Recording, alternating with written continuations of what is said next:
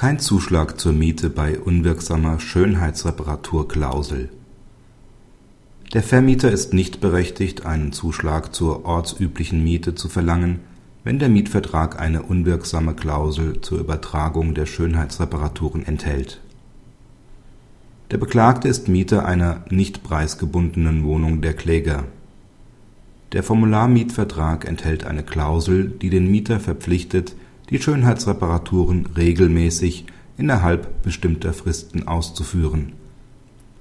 Nach der Rechtsprechung des BGH sind Schönheitsreparaturklauseln unwirksam, wenn sie dem Mieter eine Renovierungspflicht nach einem starren Fristenplan ohne Rücksicht auf den Zustand der Wohnung auferlegen.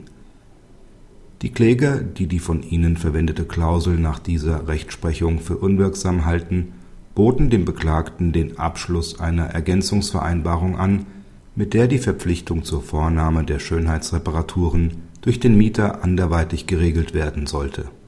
Da der Beklagte damit nicht einverstanden war, verlangten die Kläger die Zustimmung zur Erhöhung der Miete um einen Zuschlag zur ortsüblichen Vergleichsmiete für die von ihnen als Vermietern zu erbringenden Schönheitsreparaturen in Höhe von monatlich 0,71 Euro je Quadratmeter. Das entspricht dem Betrag, der im öffentlich geförderten Wohnungsbau bei der Kostenmiete angesetzt werden darf, wenn der Vermieter die Kosten der Schönheitsreparaturen trägt. Der Beklagte verweigerte die Zustimmung zu einer Erhöhung der Miete um diesen Zuschlag.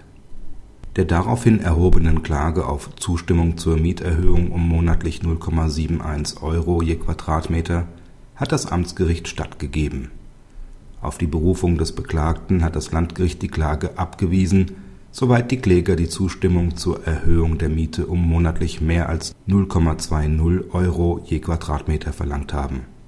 Die weitergehende Berufung hat es zurückgewiesen. Dieses Urteil haben beide Parteien mit der vom Berufungsgericht zugelassenen Revision angegriffen.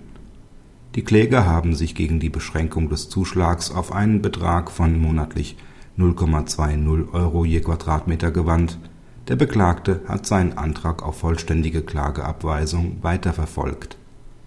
Die Revision des Beklagten hatte Erfolg, die Revision der Kläger hat der BGH zurückgewiesen